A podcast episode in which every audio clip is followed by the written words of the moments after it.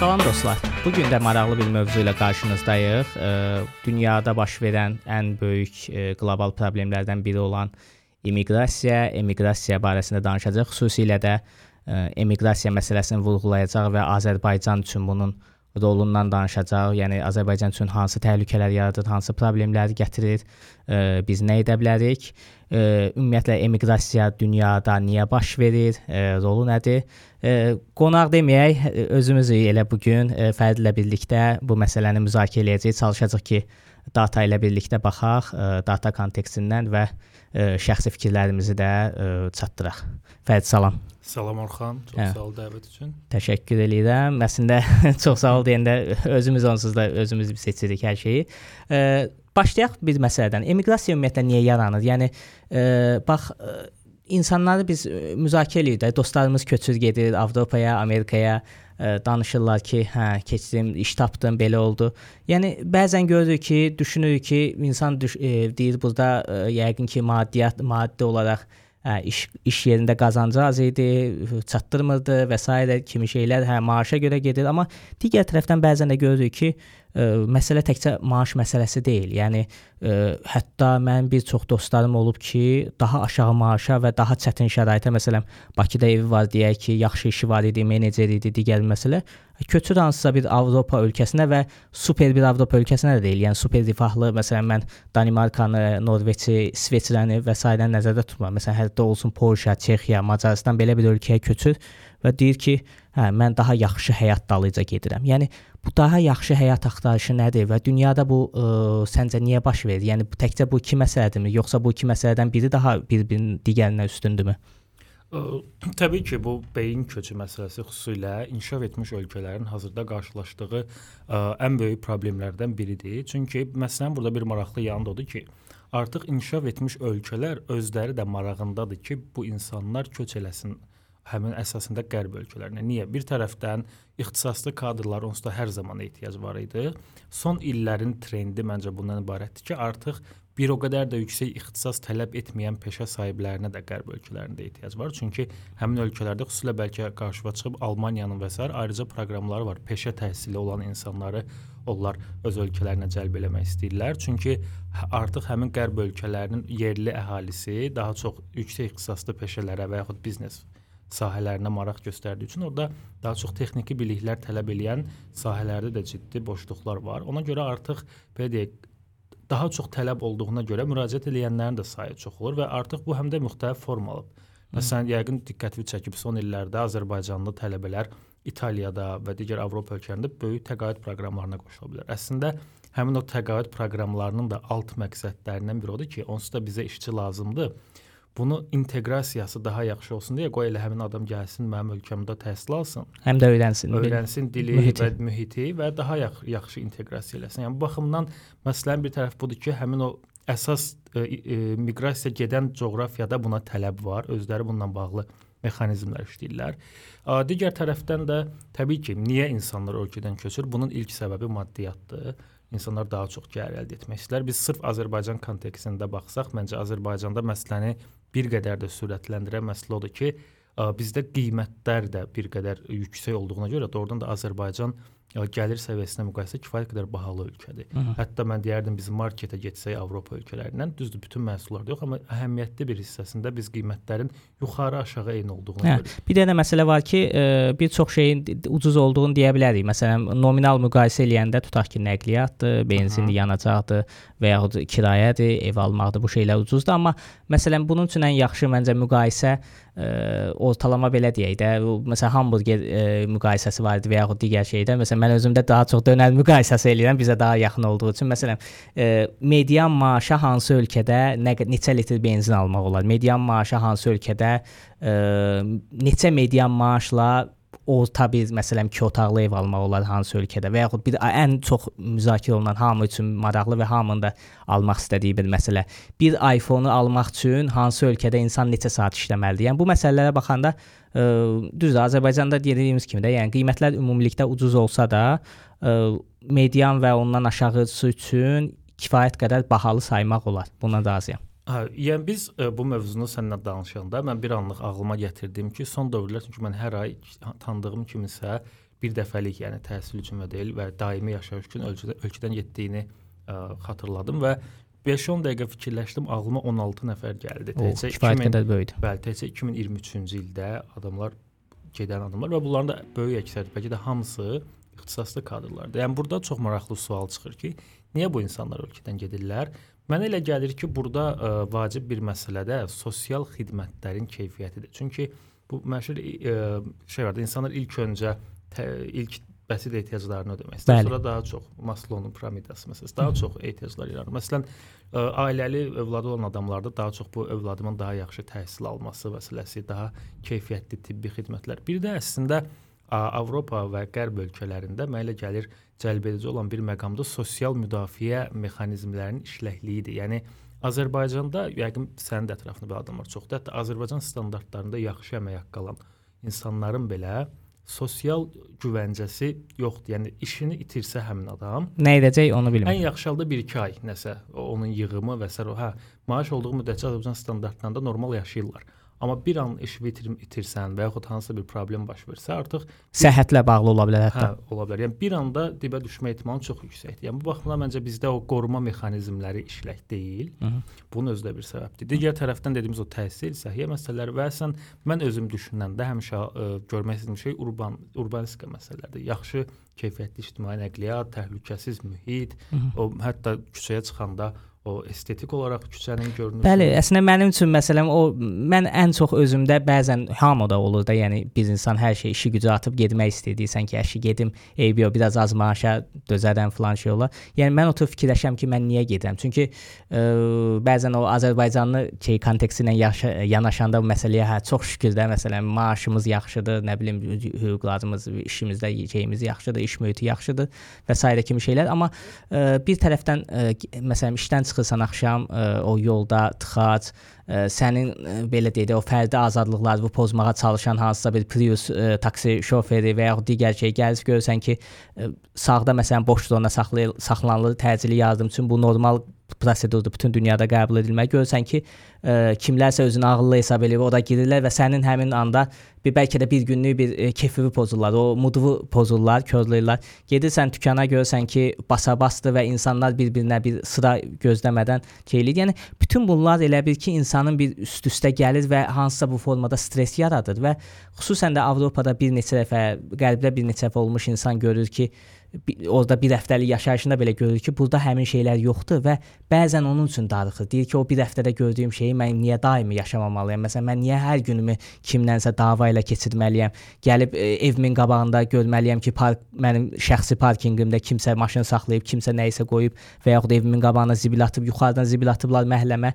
Yəni belə şeylər belə ona görə düşünürəm ki, təkcə iş tərəfi, işin maddi tərəfi deyil. Yəni insanlar istəyir ki, bu maddiyyatı qazanırlar. Bu maddiyyatın əvəzini də rahat formada şeyləsinə. Yəni həyatı türklərdə söz var, ya, o həyatı doya-doya yaşasınlar. Bəzən insanlar onu istəyir. Yəni mən düşünürəm ki, bu tək Azərbaycanla bağlı bir məsələ də deyil. Yəni ölkənin ə, rifah səviyyəsi, yenə də deyirəm, burada mən təkcə maddi səviyyəni nəzərdə tutmuram. Çünki maddi səviyyədə yaxşı olan kifayət qədər ölkələr var ki, yəni həyat səviyyəsinin yaxşı olduğunu demək olmaz. Yəni ərəb ölkələri var və ya digər yerlər var və Rusiyanın mərkəzində də ə, Moskvada, Sankt-Peterburqda ə, insanlar kifayət qədər imkanlıdırlar. Yəni bir çox ölkələrdə, postsovet ölkələrində də yəni maddi vəziyyət bizdən də yaxşı olan yerlər var, amma insanlar yenə də çalışır ki, hətta ə, məsələn mən bir Balkan turu eləmişdim. Yəni Balkan ölkələri indi Avropa ilə kifayət qədər inteqrasiya olunub. Ə, orada da ə, insanlar yəni müəyyən qədər bizdən daha yaxşı yaşaya bilirlər, yaxşı imkanları var. Bəzilərində maddi olaraq bizdən yaxşıdır, bəzilərində maddi olaraq bizdən zəif olsa da müəyyən sən dediyin o sosial xidmətlər və s. məsələləri bizdən yaxşıdır. Amma onlarda da görürük ki, məsələn, 3-cü səviyyəli ölkədən 2-ci səviyyəli ölkəyə getməyə çalışırlar insanlar. E, ikinci səviyyədən də birinci səviyyə. Məsələn, Xorvatiyadan insan çalışır getsin Almaniyaya iş tapmağa. Almaniyadakı insan çalışır getsin Hollandiyaya və ya digər nə İsveçrəyə iş tapmağa. Yəni bu pilləli formada ə, davam eləyir. Mən düşünürəm ki, təkcə burada maddi məsələ də deyil, ə, artıq dünya elə bir səviyyəyə gəlib ki, hər şey gözümüzün qabağındadır və sosial şəbəkələr, sosial media hər şey gözümüzə soxur ki, belə deyək, o sən burada yaşayırsan, amma kənarında daha yaxşı bir həyat var və sən onu hələ ki görmürsən. Amma sən ona bir beyninə də şey eləyir ki, sən ona layiqsən. Sən hansısa formada qanunimi, qeyri-qanunimi, legalmı, illegalmı sən onu əldə etməyə çalışırsan. Yəni və əslində biraz da depressiyanın, dir şeylərin də insanların biraz e, o maddi yaxşı olsa da o modunun, keyfinin yaxşı olmamasına səbəb məncə elə budur. Hər şeyin gözümüzün qabağında olması və biz görürük ki, məsələn Hollandiyada insanlar tutaq ki, də məsələn və əvvəllər bir söhbət var vardı bizim atalarımız, babalarımız danışırdı ki, e, Hollandiyanı şampunla yuyurlar, nə yolları belə bir şey vardı. Yəni bunu bir rifahın göstəricisi olaraq deyirlər. Də əslində rifah bir çox da aidiyyatı olmayan bir şeydir. Yəni Bakıda da bəzən tətbiq olunan bir şeydir, amma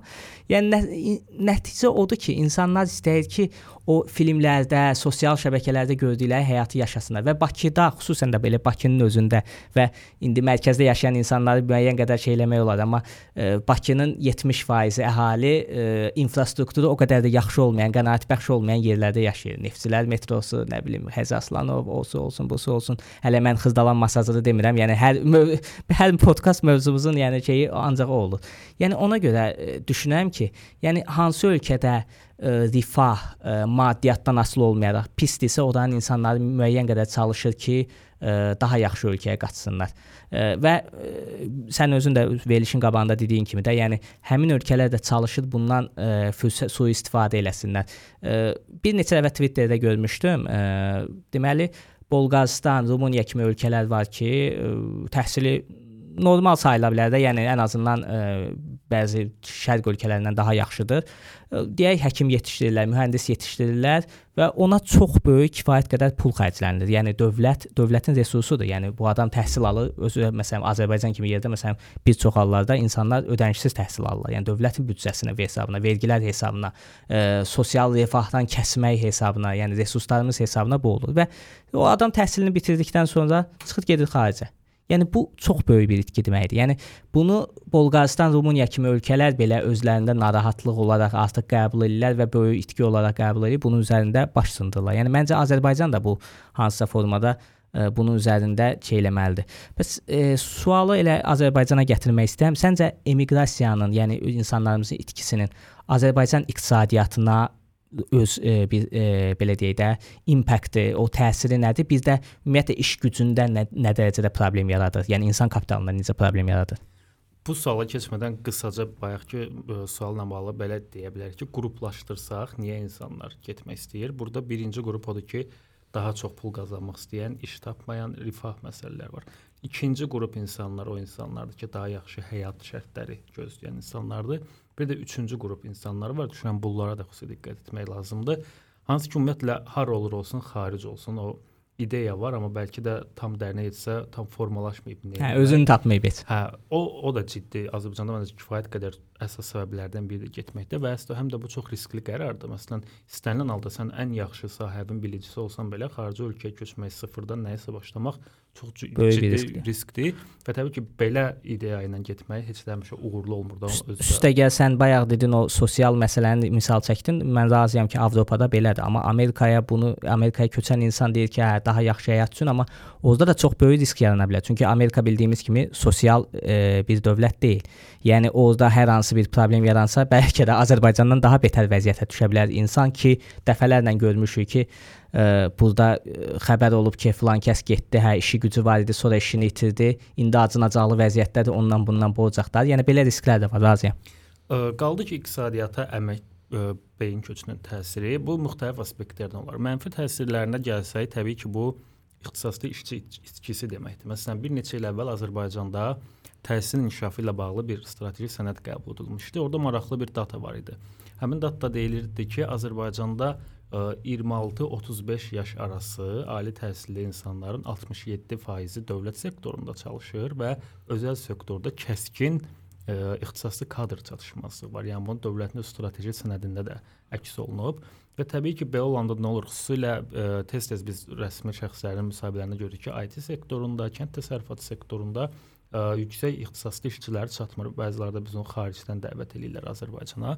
Amma bunun bir mənfi təsiri də məsələn mən nəyi müşahidə etmişəm? Yəqin sən də görürsən, son dövrdə Azərbaycanda çoxlu sayda data analitikası ə, axtarılır kurslar var. Və kurslar. Və məsələn mən ə, bir neçə o tip ə, kursları məzunları ilə qarşılaşanda görürəm ki, adamlar da oradan da modeli qura bilirlər, düsturu yaza bilirlər, ortaya nəsə çıxardılar, amma onu şərh eləyə bilmirlər. Niyə? Çünki ə, o tam ixtisaslı adam o prosesi sıfırdan qurduğu üçün bütün hər şey içində olur. Amma bazarda ona ehtiyac olduğu üçün artıq ə, çox yüksək tələblər yoxdur o kadrlara. Məcbur, e, məcbur bacara bildiyi qədər. Bəli, ona görə də bu təbii ki, birinci işin effektivliyini aşağı salır. İkinci tərəfdən də həmin insanlar əlavə dəyər yarada bilərdi. Məsələn, hansısa bir proqram təminatı ilə bağlı, bir ideya ilə bağlı ölkəyə çox ciddi valyuta qazancı gətirə bilərdi. Düzdür, bu təkcə o insanların burada qalması ilə bağlı deyil, həm də biznes mühiti ilə bağlı olan bir məsələdir. Amma yəni nəzəri olaraq onların yaradacağı əlavə dəyərdən biz məhrum oluruq. Və burada xüsusilə mən həkim məsələsinə toxunmaq istərdim. Çünki bununla bağlı maraqlı rəqəmlər var. Təxminən ötən il mən Almaniyanın statistika qurumunun Almaniyada çalışan xarici həkimlərlə bağlı bir hesabatını oxumuşdum. Mindən çox Azərbaycan vətəndaşı həkim Almaniyada fəaliyyət göstərirdi və biz top 5-də 6-da idik say olaraq. Azərbaycandan çox olan ölkələr Misir, Türkiyə və s. çünki onların əhalisi onsuz da çoxdur. Amma o həkim sayını əhali nisbətinə baxanda biz gördük ki, Almaniyaya ən çox əhali sayına nisbətdə həkim göndərən ölkə Azərbaycandır. Yəni və bir neçə gün əvvəl mən diaspora komitəsinin bir nümayəndəsinin müsahibəsini oxudum. Onlar dedi ki, bizim siyahımızda 2000-dən çox Azərbaycanlı həkim var kimi biz bilirik xaricdə işləyir. Yəni bu təkcə ə, e, diaspora ilə müəyyən şəkildə əlaqəsi olan. Hə, ondan daha çox ola bilər. Daha çoxdur. Və başqa tərəfdən məsələn bizim Dövlət Statistika Komitəsi açıqlayır ki, Azərbaycanda 33 min həkim var. Bu deməkdir ki, Azərbaycanda olan həkimlərin bir 10% qədər də bizim xaricdə həkimimiz var. Hələ sırf Bakıdakıları götürsək, həmin 33 minin təxminən yarısı Bakıdadır.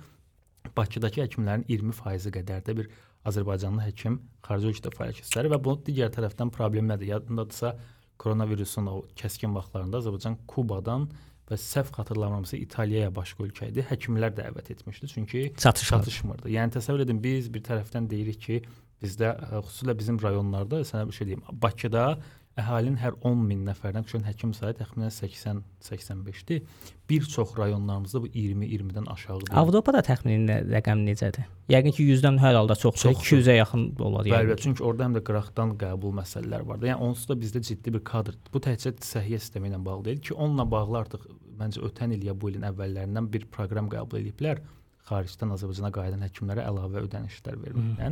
Yəni bunu artıq bu proses baş verəndən sonra yox, əvvəlindən elə qurmaq lazımdır. Amma biraz da qəbul eləmək lazımdır ki, heç kəs bu vəziyyətə gələcəyini gözləmirdi. Xüsusən indi pandemiya biraz bəlkə də prosesi saxladı, amma o 2019 və s. illərdə hər bir ölkə başladı bu proqramlar şeyini. Almaniya məsələn həkim qəbul eləyir, Azərbaycan təhsilini hansısa formada qəbul eləyir. İndi artıq yeni görürəm ki, Amerikaya da əvvəllər Amerika ümumiyyətlə Azərbaycanın diplomuna baxmırdı. İndi Amerikaya da gedirlər. Bundan da əlavə olaraq məsələn ə, Kanadanın ə, belə deyək skilled immigration proqramı var, Express proqramıdır ki, hansı ki ə, müəyyən kriteriyaları ödəyib ingilis dili və fransız dilini biləndən sonra gəl ölkədə iş axtar belə bir viza verir.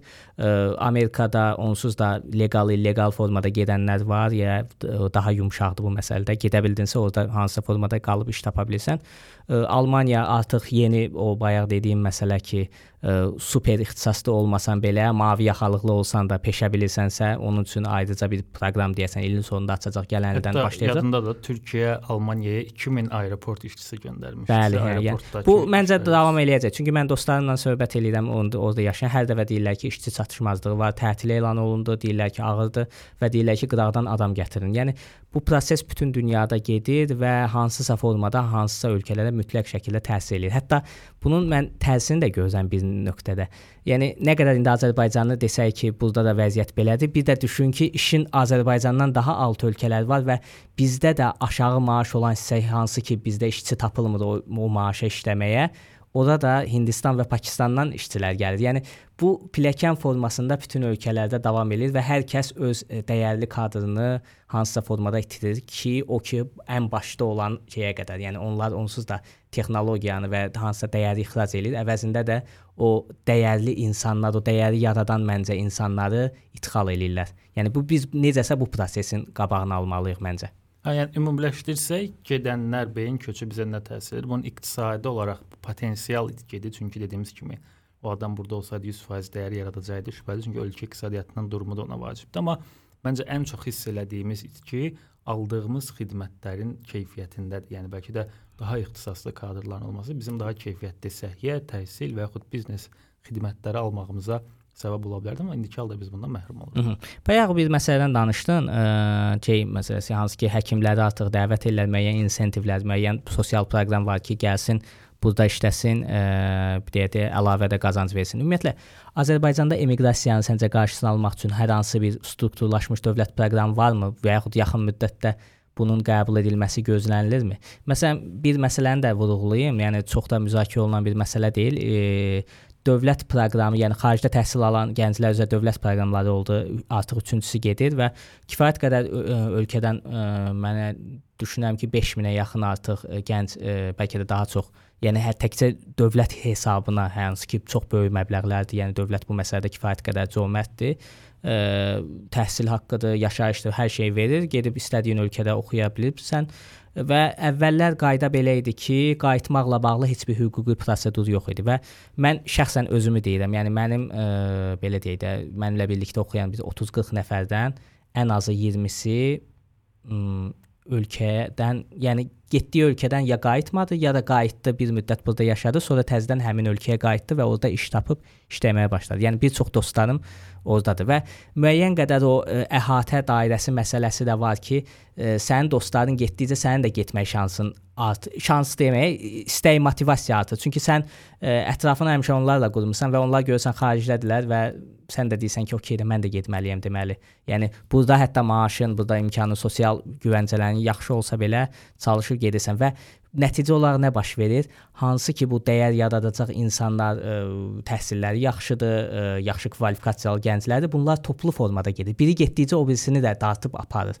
Ə, yəni bunun qarşısını məsələn dövlət proqramında belə bir məsələ var ki, ölkəyə qayıdıb işləməlidir. Ə, burada ona iş təklif edirlər və s. amma bilmirəm bunun həm hüquqi prosedur cəhətdən nə dərəcədə həm ədalətli, həm doğru yanaşmadır, həm də dövlət nə dərəcədə bu adama iş təklif edə bilər, cəlb edici iş təklif eləyə bilər ki, okey bu qayıtsın, sevinə-sevinə desin ki, hə mənim dövlətdə işim var. Yəni işin bu tərəfi də var. Ə, səncə ümumiyyətlə hansı bir tədbir var? Yəni elə bu suala qayıdaq. Əslində bu dövlətin pul xərclədiyi insanlarla bağlı gözləntisi məsələsində mən hər iki tərəfi haqlı hesab edirəm. Nə baxımdan? Çünki kim ki tələb eləyirsə bu adam mütləq qayıtmalıdır, konseptual olaraq haqlıdır. Çünki Bəli. dövlət neft fondu bilirsən ki, həmin proqramı maliyyələşdirir və dövlət neft fondunun özünün də nizamnaməsində ilk olaraq bu deyir ki, fondun məqsədi Azərbaycanda hazırda və gələcəkdə yaşayacaq insanların bu enerji gəlirlərindən yararlanmasına töhfə yaratmaqdır. Yəni biz bu pulu ona görə yatırırıq ki, bura bu insanlar gəlsin, ölkədə yaxşı işlər görsünlər. Məsələn, bu tərəfinə razıyam. Kim ki tələb edir, ola bilər. Amma digər tərəfdən mənə elə gəlir ki, bu ictimai siyasət kompleks yanaşma tələb edən məsələdir. Yəni insanları ödənişinə qarşılayaraq xaricdə oxumağa göndərmək məsələnin bir hissəsidir. Sən biz bunu sənə tez-tez bu avtobus zolaqları məsələsinə danışırıq da, zolağın olması çox əladır. Amma, Amma onu, onu nəzarət yoxdur. Olmalı. Bu ona görə daha da qəlizləşdirir məsələni, düzdürmü? Hı. Bu məsələdə də biz insanı ora göndəririksə, bu qaydanda hansı mühitdə çalışacaq? Münasibətlər sistemi necə olacaq? Bu insanın öz bilik və bacarıqlarını, ideyalarını reallaşdırmaq üçün nə qədər çox resursu, imkanı, səlahiyyəti olacaq? Yəni biz bunu təmin etmədən o insandan təbii ki, gözləyə bilməz. Çünki həmin insan da gedir xarici təcrübəni, oradakı münasibətlər sisteminə görür və gəlib eyni şeyi burada gözləyir. Gözləyir, alınmayanda da ə, e, məyus olur və axtarışa keçir. Ona görə indiki şəraitdə bəli, mən qayıtmayanları qınaya bilmirəm. Amma qayıtmaq istəmək də ə, e, tələbi də hardasa məntiqli gəlir. Ona görə mənə gəlir bu məsələ geniş bir ictimai müzakirə tələb edən bir məsələdir ki, biz Niyə? Çünki biz məsələn körfəz ölkələrindəki model olsaydı, dövlət hər kəsə bunu imkanı yaratsaydı, deyərdik ki, özüblər şəxsi həyatıdır. Bizdə o deyil də, bizdə konkret olaraq Bəli. hətta dövlət resurs da məhduddur onsuz da. da müəyyən edir ki, mən Bəli. ancaq bu ixtisaslarda olan adamları göndərirəm. Ona görə amma qalır ki, dövlətin konkret hansı mexanizmlər etməsi bu məsələ, yəni ən azı mətbuatdan görünür ki, hökuməti narahat eləyir. Çünki tez-tez son dövrlər xüsusilə dilə gətirilir ki, biz ə, müəyyən ixtisaslı kadrların ölkəyə qayıtmasında maraqlıyıq və müxtəlif proqramların ə, konseptual olaraq içində qeyd edilir. Amma belə sırf ayrıca bir proqram ki, biz sırf qayıdışla bağlı bu insanlar ölkəyə qayıtmalı belə bir şey yoxdur. Amma dedim ki, müxtəlif sahələrlə bağlı bu strateji inkişaf sənədlərinin müəyyən bir komponenti kimi nəzərdən keçirilir. Amma ə, mənə elə gəlir ki, bunun təmin edilməsi sadəcə maddiyyatla bağlı deyil, ciddi bir institusional dəyişikliklər, münasibətlər sistemində olan dəyişikliklər tələb edir. Yəni bu da ki, daha çox siyasi iradə tələb edən məsələdir, nəinki iqtisadi və yaxud hansı digər maddi təşviq məsələlərindən bağlı. Sənlə bu məsələləri danışanda ağlıma gəldi. Yəni əslində bir tərəfdən də bu dövlət pul ayırır, e, neft resursu hesabına bu uşaq gedir, oxuyur. Məsələn, Avstraliyada o adam oxuyur. Yəni bu ödəniş onsuz da 100 min dollar, 150 min dollar 2 il üçün gedir Avstraliya hökumətinə. Avstraliya bu pulu götürdü, gö utdu. Və o uşaq, e, o gənc ölkəyə qayıtmadı və Avstraliyada işləməyə başladısa da, bu daha dəhşətli bir məsələdir. Yəni elə bil ki, biz e, öz resursumuzu, insan kapitalımızı üstündə də pul verib Avstraliya hökumətinə hədiyyə eləmiş oluruq. Yəni bundan dəhşətli, yəni düşünəndə dəhşətli bir şey kimi gəlir ki, biz sadəcə elə bir pulu da göndəririk, pul hədiyyə eləyirik, bir 150-200 min dollar, üstündə də bir e, kvalifikasiyalı gənc hədiyyə eləyirik. Ona hər şeyi hazır vəziyyətdə. O bayaq dediyini İtaliyada universitet özü şey verir ki, o da hazır bir formada gənc yetişsin, artıq işdə başlasın, o da dəyər qazansın. Yəni biz də ona bildiyim faktiki olaraq dəyər qazandırır. Hansısa formada məncə bunun üzərində düşünmək lazımdır. Bəs yaxşı, dünyada bu praktika necədir? Çünki mən bilirəm ki, hər yerdə bu baş verir. Hindistandan da çoxlu ekspertlər gedir. Yəni xüsusilə əhalisi böyük olan ölkələrdə, məsələn, Avstraliyadan çox görürdüm ki, Çinlilər, Pakistanlılar hamısı gəlirlər müəyyən o ixtisasları oxumağa ki, gəlsinlər burada qalsınlar. Ölkə böyükdür, ərazi çoxdur, inkişaf eləməli çox məqam var, ə, sosial rifah Amerikaya nisbətdə daha yaxşıdır. İnfrastruktur, ə, e, genişlik məsələsi və s. kimi şeylər Avropadan daha yaxşıdır, vergi Avropadan daha azdır. Yəni çox cəlbedici gəlirdi və bir çox insanlar qalırdı və nəticə olaraq həmin ölkələr inkişaf eləməyə hansısa bir cəhd eləsələr də bu insan kapitalını itirdiyinə görə elə yenə də yerində sayılır. Bəs bu hansı yaxşı bir praktika var ki, hansısa ölkə bunu hansısa formada qarşısını ala bilər?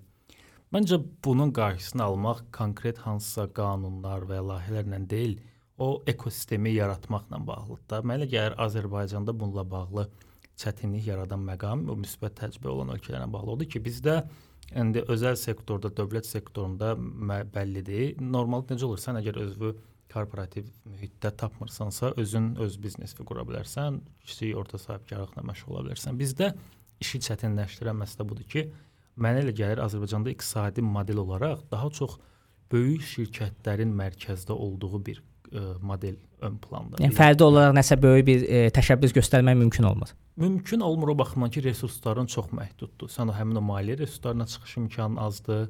Ə, investisiya ölkədə maliyyə bazarları çox inkişaf eləməyib, sadəcə elə dövlət qiymətli kağızlarının və bir neçə böyük şirkətin səhmlərinin emissiyası ilə formalaşır da Bakı Fond birjası. Yəni sənin bir sahibkar olaraq gedib səhm emissiya eləyib pul çəkmək şansın çox azdır. Ə, eyni zamanda kredit resursları kifayət qədər bahalıdır. Hə, biznes kreditləri də sərfəlidir. Ölkədə, regionda bu Ümumdünya Ticarət Təşkilatının bir reportu var. Azərbaycan ən çox orta gömrük tarifi tətbiq edən ölkədir. Kifayət qədər yüksək gömrük tarifləri var və digər məsələlər var. Yəni mənə elə gəlir biz o biznes mühitində rəqabəti yarada bilsək ki, kiçik və orta sahibkarlıq inkişaf etsin. Həmin insanlar bəlkə də öz potensialını özəl biznes quraraq reallaşdıra bilərlər. Biz indiki şəraitdə biraz burada da çətinlik çəkirik. Ona görə də təbii ki, adam həm karyera baxımından bu 9-6 iş baxımından nəsə edə bilmir. Həm sonra mənə elə gəlir mənim gördüyüm təcrübəndə çox o alınmayanda hansısa biznes fəaliyyətini yoxlayırlar. Bu da müəyyən insanlar uğurlu olur, müəyyən insanlar uğurlu olmur. Ona görə edir. Ona görə mən düşünürəm ki, bunu biz bir qanun qəbul etməklə, bir proqram qəbul etməklə həll edə biləsi deyilik. Sadəcə mühiti yaratmaq lazımdır ki, insanlar bərabər ə, təşəbbüs imkanlarına malik olsunlar, eyni ə, şərtlər altında rəqabət aparsınlar və bunun həm də sən deyim bir müsbət tərəfi də gəlir və sərvət bərabərsizliyi ilə bağlıdır. Çünki ə, məsələn necə deyək, əvvəl hər marketdə bir kiçik məhəllə mağazası var idi. Bu adam ə, çox qazanmırdı, amma lap az da qazanmırdı. Orta təbəqəni təşkil edirdi. İndi həmin o məhəllə marketləri bağlanır. Təmərküzləşdi. Gedir böyük Zəncir. marketlərə və həmin o mağaza sahibi də gedir həmin böyük marketdə tam artıq kasser olaraq fəaliyyət göstərir. Düzdürmü? Amma kiçik və orta biznes indi bu market sektoruna aid demirəm, ümumiyyətlə kiçik və orta Hı. inkişaf etsə, biz o sərvət bərabərsizliyi nisbətən azala bilər. Çünki bütün böyük həcmdə pul bir şirkətə yox, ən azı bir neçə orta sahibkar arasında böl bölünə Hı. bilər. Və bu kiçik orta sahibkarlığın başqa bir üstün tərəfi də o ki, bunlar çox loyaldılar da. Çünki iri şirkətlərin manevr imkanları çoxdur. Ölkədə ə, böhran baş verəndə, vaxt nəsə olanda Qaçıb gedəcək. çox rahatlıqla kapitalını çıxarda çıxarır. bilir. Amma kiçik və orta sahibkarın hələ lüksü yoxdur. O loyaldır, qalıb gözləyəcək ki, böhran başa çatsın və s. Yəni bu baxımdan həm ölkə iqtisadiyyatının dayanıqlı gəlir mənbələri ilə təmini baxımından, həm də gəlir sərvət bərabərsizliyi baxımından orta və kiçik sahibkarlığın ön planda olduğu bir model, iqtisadi inkişaf modeli bizə daha çox fayda verə bilər. Bununla bağlı məsələn ə, bir neçə rəqəm açıqlanan bir neçə qədər ictimaiyyət hansı göstərir ki, bizdə gəlir sərvət bərabərsizliyi kifayət qədər böyükdür. Bunun əslində müəyyən indekslər var. Təəssüf ki, bizdə hesablamalar aparılmır, amma mən xatırlayıram ki, bir neçə il əvvəl parlamentdə banklar haqqında qanun müzakirə olunanda millət vəkillərindən biri səsləndirmişdi ki, Azərbaycandakı bank əmanətlərinin 45%-i əmanətçilərin 1%-nə məxsusdur. Və yaxud yenə başqa rəsmi rəqəmlər bir ki, Azərbaycandakı bütün torpaqların 50%-i torpaq sahiblərinin 10%-nə məxsusdur. Və yaxud ə, Dünya Bankının bir araşdırması var idi. Ölkədəki qoyunların yarısı qoyun saxlayan adamların 8%-nə məxsusdur. Yəni həm şəhər mühitində bu çox böyük sərvət bərabərsizliyi var, həm də kənd mühitində, rayon mühitində var. Yəni təbii ki, bu sərvət bərabərsizliyinin özü də məncə miqrasiyaya təkan verən amillərdən biridir. Çünki sən zəngin olmağı istəyirsənsə, burada haqsız rəqabət səni e, işi iki qat çətinləşdirə bilər.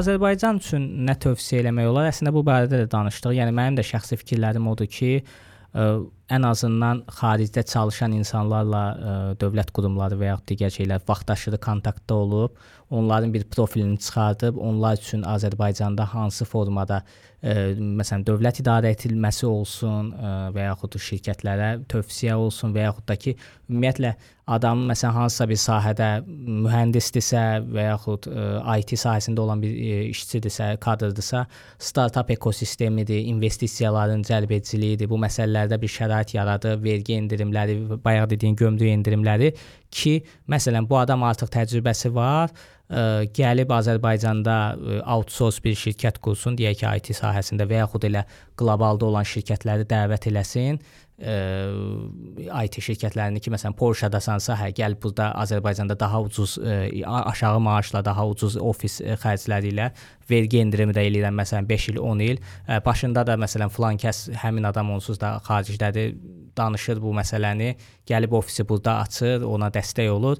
Həm özünün marağı olur ki, Azərbaycanda idarəetmə sahəsində olur, böyük qazanc əldə eləmək, yəni ki, ən azından ləyaqətli maaş deyirlər də və ya qazanc deyirlər buna. Bunu əldə eləmək imkanı olur. Üstə gəldə tək özü deyil, özündən aşağıda olan yerli ə, kadrları da ə, işlə təmin eləmə baxımından, yəni bu çox faydalıdır. Yəni mən həmişə ə, biz dövlət qurumları ilə tez-tez görüşlərdə oluruq. Həmişə bunu misal çəkirəm ki, ə, nə bilim Accenture-dır, EPAM-dır, belə bir şirkətlər var ki, hansı ki ə, qlobal ə, transmilli şirkətlərdir, hansı ki daha ucuz ə, Şərqi Avropada ofislər açıblar ki, ucuz başa gəlsin. Hətta təəssüflə də olsa bildirməliyəm ki, ə, bir çox şirkətlər artıq Yerevanda da ofislər açırlar ə, və Ermənistanda da IT sahəsində çox inkişaf var. Orada da müəyyən bir mühit yaradılır ki, xarici şirkətlər gəlib orada ofislərini açsın və nəticə olaraq erməni əhalisi gəncləri ondan həm faydalanır, həm öyrənir, həm də qazanc əldə edirlər.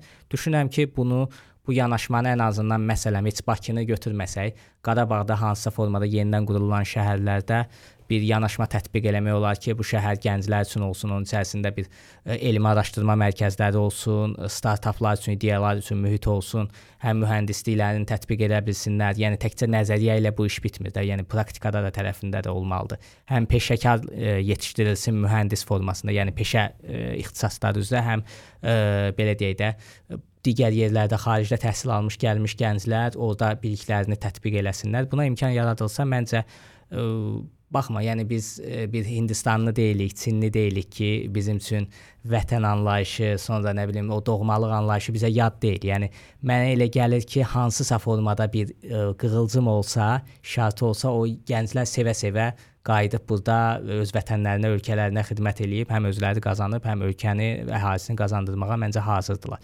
Sadəcə hansısa formada oturub kompleks tədbirlər görülməlidir ki, düşünürəm ki, bu edilsə, ən azından bu şeydən bir bu fəlakət də demək olar da, yəni mən bayaq dediyim məsələ bunun bir, bir nöqtəsindən geri dönə bilərik. Yəni 100% bu bir sahədə iş görməklə dəyişəsi məsələ deyil. Məsələn, ən vacib komponentlərindən biri biznes mühitidir. Liberal rəqabətin olduğu ədalətli bir biznes mühiti ki, hamı istədiyi işlə bərabər imkanlar şəraitində məşğul olmaq ən azı imkan əldə eləsin ki, xeyir gətirə bilsin. Bir də o unutmamaq lazımdır ki, urbanistika məsələləri, şəhər, nəqliyyat, təhsil, səhiyyə, sosial müdafiə bunlar cəlbedici olmadıkca məsələ dəyişən deyil və Azərbaycanın indiki perspektivindən baxanda mən düşünürəm bir vacib məqam odur ki, bizdə bəlkə də bu keçid dövrünü təmin etmək üçün məncə ə, Azərbaycana böyük xarici şirkətlərin daxil olmasından qorxmaq lazım deyil. Çünki onların təcrübəsi var, korporativ mədəniyyət fərqlidir, iş mühiti fərqlidir. Bəli, təkər velosiped təkərini yenidən kəşf eləməyəcək də. Yəni bəli, bu da daha sürətli olur. Əgər özümüz buna alternativ olaraq böyük işlər ortaya qoymuruqsa, məncə xarici investisiyalar üçün ölkənin xüsusilə gömrük vergi sistemi, qanun ali məsələləri cəlbedici olsa, böyük transmilli korporasiyaların ölkəyə girməsi bu prosesə ciddi təkan verici rol oynaya bilər. Çünki mən də düşünürəm ki, əslində Azərbaycanda yaxşı iqtisadi mühit olsa çox böyük imkanlar var. Həm ölkənin əhali sayı ə, region ölkələrinə baxanda, yəni Cənubi Qafqaz gənclə çoxdur, çoxdur, enerjili. Ə, coğrafi mövqe olaraq və ümumiyyətlə ölkənin iqtisadi bu davranış məsələləri olaraq, əhalinin istehlakçı davranışları olaraq böyük imkanlar yaratmaq olar. Amma təbii ki, bunu nə qədər gec başlasaq, bunun uğurlu olması bir o qədər ləngiyəcək və daha çətin olacaq Hı. və daha çox resurs tələb olunacaq. Baxımdan məncə bu post münaqişə dövründə də artıq Xankəndində də Azərbaycan bayrağı dalğalanandan sonra maraqlı bir yanaşma formalaşıb da bu Fukuyamanın tarixin sonu konsepsiyası sanki olub. Məncə bəlkə də bu yeni dövrün əsas müzakirə predmetlərindən biri bu ola bilər ki, biz iqtisadiyyatımızı necə dəyişəcəyik. Çünki bunu düz özü ayrıca bir mövzudur. Çünki ötən çıxışımızda da səndən toxunmuşduq da enerji, ənənəvi enerji resurslarının hökmranlığı başa çatır. Artıq dünya dəyişir və bu münaqişələr hansı ki daha böyük iri miqyasda bu dəyişimi, enerji keçidini daha da sürətləndirir, sürətləndirir. Hər dəfə dünyada münaqişə olanda neft qiymətləri, qaz qiyməti artır və biz deyirik ki, hə, əslində əladır bu bizim gəlirimizi artıracaq. Amma, Amma digər tərəfdən Avropa qısa... artıq axtarır ki, ə, e, məsələn bu biz ə, e, adi bir şey deyim də, ölkəyə çoxlu gələn Priuslar var. Yəni bunların ilinə baxsaq 2006, 2008, 2010-cu illərdir. Yəni ə, hibrid maşınlarının Amerikada çox məşhurlaşması əslində neft qiymətlərinin artması fonuna gətirib çıxardı. Yəni e, biz hibrid maşınların, elektrik maşınlarının satışının artması, qənaətçil maşınların satışının tarixi artımına baxsaq və yaxud da enerji keçidinə, e, məsələn, alternativə keçidə baxsaq, görərik ki, bu hansısa bir müharibə zona formasında OPEC-in qərarından sonra və digər məsələlərdir. Yəni ə, e, əslində bu neftin çox qalxması sən dediyin kimi də sevindirici bir şey deyil, həm də bir mesajdır ki, artıq təhlükə artır.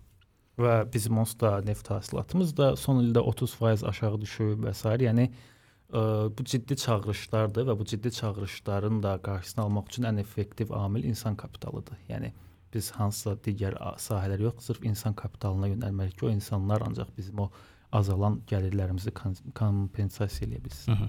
Fərid çox sağ ol, təşəkkür eləyirəm. Mövzumuz kifayət qədər genişdir. Yəni bunu biraz da çox danışıb artıra bilərik, amma digər verilişlərdə də bənzər mövzulara toxunacaq. Xüsusi bir məsələn peşə artırmasıdır, təhsildir bu məsələlərdə də həm qonaqlarımızla, həm səninlə söhbət eləyəcəyik. Dostlar, bizi izləməyi unutmayın. Podxana YouTube-da, Spotify, Apple və Google Podcast-da sizinlədir. Təşəkkür eləyirik. Sağ olun.